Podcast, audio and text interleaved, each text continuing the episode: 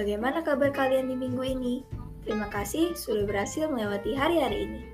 Sekarang kamu sedang berada dalam arena bijak, bincang Jumat bersama AKJ. Dia suara eksklusif hanya di aplikasi Spotify. So, tunggu apa lagi? Di mana pun kalian berada, take a seat, chill your body, because the podcast will start in 1, 2, and 3.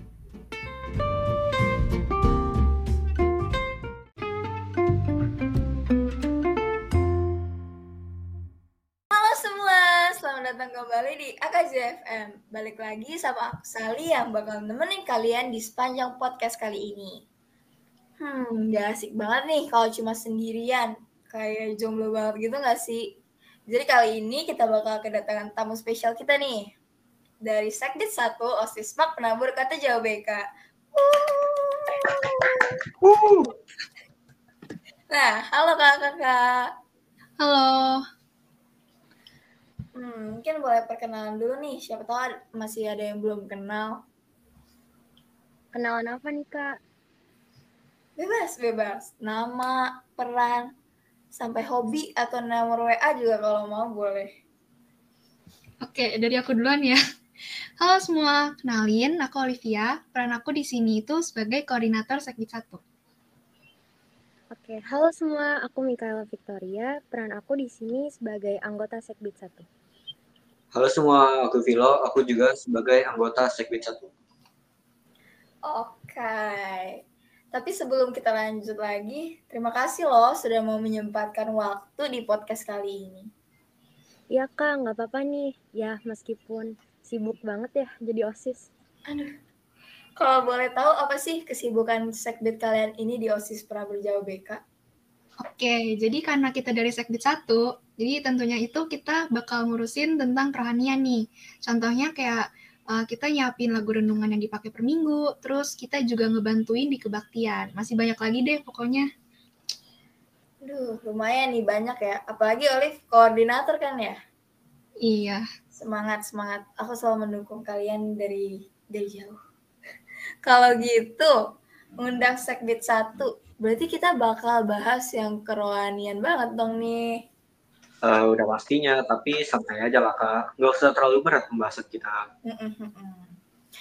Oke, kalau gitu masuk ke pertanyaan pertama nih.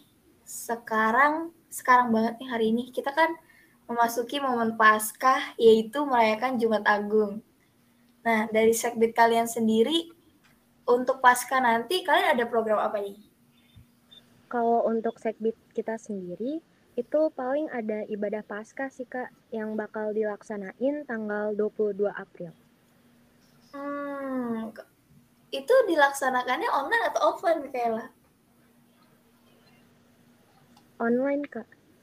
Eh, siap nih siswa Semak Penabur untuk ikutin Paskah nanti kita di tanggal 22. Tetap ikut ya, jangan ada yang bolos nih Paskahnya. Nah, kalau kalian sendiri di gereja masih online atau sudah offline? Uh, kalau aku sih masih ngerayain Paskahnya secara online ya, padahal aku tuh kayak apa ya udah kangen banget sama suasana ngerayain Paskah secara offline. Duh, sama banget nih. Kangen banget sih sama Paskah offline. Apalagi seru kan kalau Paskah offline tuh kayak dulu main atau mungkin ada yang nari-nari nari-nari dari pemuda gitu kan. Kalau di gereja aku sih. Iya, dulu kalau offline seru banget. Kalau online rasanya kayak kurang interaktif gitu. Mm-mm. Kalau gitu, dong ceritain momen pasca favorit kalian atau momen pasca yang paling dikangenin dari dulu. Dari Mikaela dulu nih mungkin. Kalau untuk aku, dulu waktu sekolah minggu, itu kayak kita ke taman bermain gitu kak. Jadi kayak kakak sekolah minggunya tuh ngumpetin permen di bawah pohon atau di mana gitu. Nah, terus kita disuruh nyari minimal tiga permen. Habis itu kayak cepet-cepetan gitu kak, kasih ke kakak sekolah minggunya. Nah, habis itu nanti diambil 8 orang pertama yang udah ngasih duluan. Habis itu 8 orang ini nanti dikasih hadiah kayak snack gitu kak. Waduh, seru tuh. Kalau kamu sendiri pernah menang nggak? Pernah dong kak. Aduh, jagoan ya, jangan dilawan. Kalau Vilo deh, Vilo gimana? Eh, kalau aku sih dulu eh, pas lagi perayaan Paskah aku udah kurang inget sih gara-gara lama tapi dulu di gereja aku ada tamannya gitu terus uh, telur paskahnya itu suka diumpetin di sekitar tamannya sama di sekitar gerejanya juga jadi uh, bisa eksplorasi sama cek-cek uh, bagi di gereja yang lain. Jadi menurutku seru banget sih pas itu. Nah seru banget kan tuh kalau offline. Nah kalau gitu uh, gimana sih pasca itu? Penting nggak buat kalian? Sama what does it mean to your life? Uh, kalau aku sih uh, masih lanjut yang tadi lagi. Uh, pas aku masih kecil kan kan yang acara pas kayak yang umpet-umpet ular itu kan pas aku masih kecil. Uh, pas itu aku bisa keliling gereja aku jadi bisa lihat uh, bagian-bagian gereja yang lain. Nggak cuma yang di bagian sekolah minggu tapi ada yang ibadah remaja ibadah yang orang tua. Jadi aku lebih uh, lebih tertarik sama gereja gitu. Jadi menurutku sih penting banget buat kehidupan aku. Hmm, jadi lebih mengenal gereja, lebih mengenal Tuhan lebih lagi ya Vilo ya. Iya. Benar cukup dalam ya guys. Keren nih sekret satu kita nih. Nah kalau pasca kita juga pasti nggak asing lagi buat nonton peristiwa pengorbanan Tuhan Yesus di kayu salib. Ya nggak kayak di gerejanya pasti ada di streamingannya gitu kan. Nah apa sih itu judul film pengorbanan Tuhan Yesus di kayu salib? Oh itu The Passion of the Christ kak. Nah, iya itu. Gimana tuh perasaan kalian pas nonton itu? Kayak ada nggak bagian yang kalian teramaze banget gitu? Kayak jujur pas aku nonton, aku kayak merinding sendiri sih. Jadi pas pertama kali aku nonton filmnya, aku tuh kayak amazed banget karena Tuhan tuh ternyata sebaik itu loh sama kita sampai dia rela mati di kayu salib demi menebus dosa manusia. Nah dari situ juga aku tahu kalau misalnya Tuhan tuh sesayang itu sama kita. Jadi kita sesama manusia harus saling mengasihi karena Tuhan itu udah lebih dulu mengasihi kita. Nah, iya benar banget sama. Ngeliat film itu juga buat aku kayak sadar betapa baiknya dan betapa besarnya pengorbanan Tuhan buat kita. Selama ini kita hidup mungkin udah 16 sampai 17 tahun ya. Iya. Hmm. Ada nggak sih titik di mana kalian ngerasa kayak wah Tuhan itu benar-benar sebaik itu loh buat buat aku gitu. Boleh dong, aku mau dengar nih cerita kesaksian teman-teman saat kalian ada di titik tersebut. Titik di mana kalian sadar bahwa Tuhan tuh baik banget buat kalian. Oke, jadi sebenarnya uh, kehadiran Tuhan itu selalu muncul di hidup kita. Cuman kitanya aja nih yang gak, yang nggak nyadar. Nah, dan hal itu yang selalu aku rasain itu kayak pas aku lagi down banget dan butuh support ya itu tuh kayak selalu ada aja gitu yang nge-push aku buat tetap semangat dan gak nyerah. Contohnya uh, orang tua aku, teman-teman aku, atau bahkan diri aku sendiri yang berusaha buat tetap kuat dengan dukungan Tuhan. Jadi dari situ aku ngerasa kalau Tuhan itu benar-benar sebaik itu sama aku. Kalau dari aku sih, waktu aku lagi down banget kak, kadang pasti ngerasa hilang harapan. Bahkan buat nyari solusinya aja susah banget bahkan udah doa segala macem tapi rasanya Tuhan belum jawab doa kita. Tapi di balik, di balik itu semua Tuhan pasti juga gak bakal ngebiarin kita sendiri. Tuhan pasti kirim orang-orang sekitar kita siapa pun itu buat nge-support kita.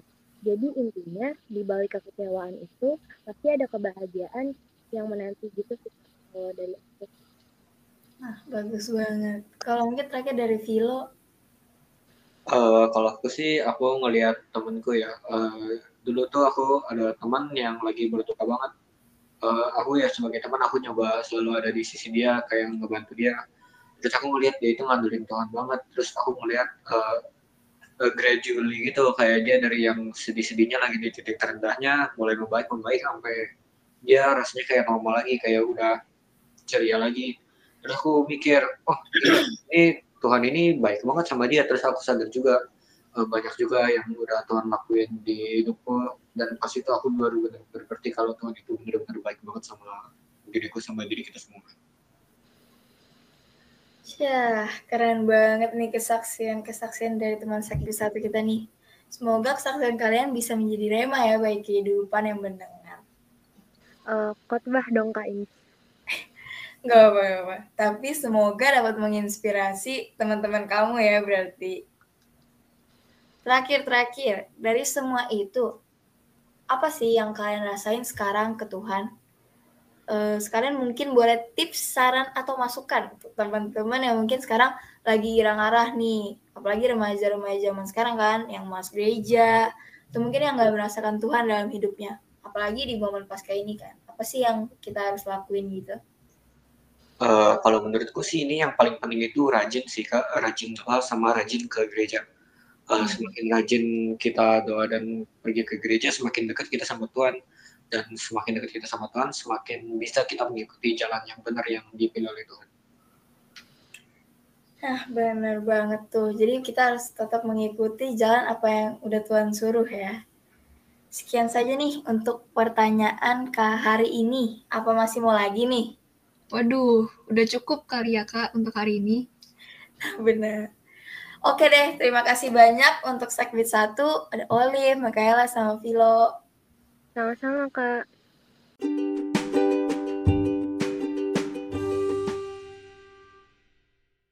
Oke, berakhir podcast bijak bincang Jumat bersama AKJ pada episode kali ini.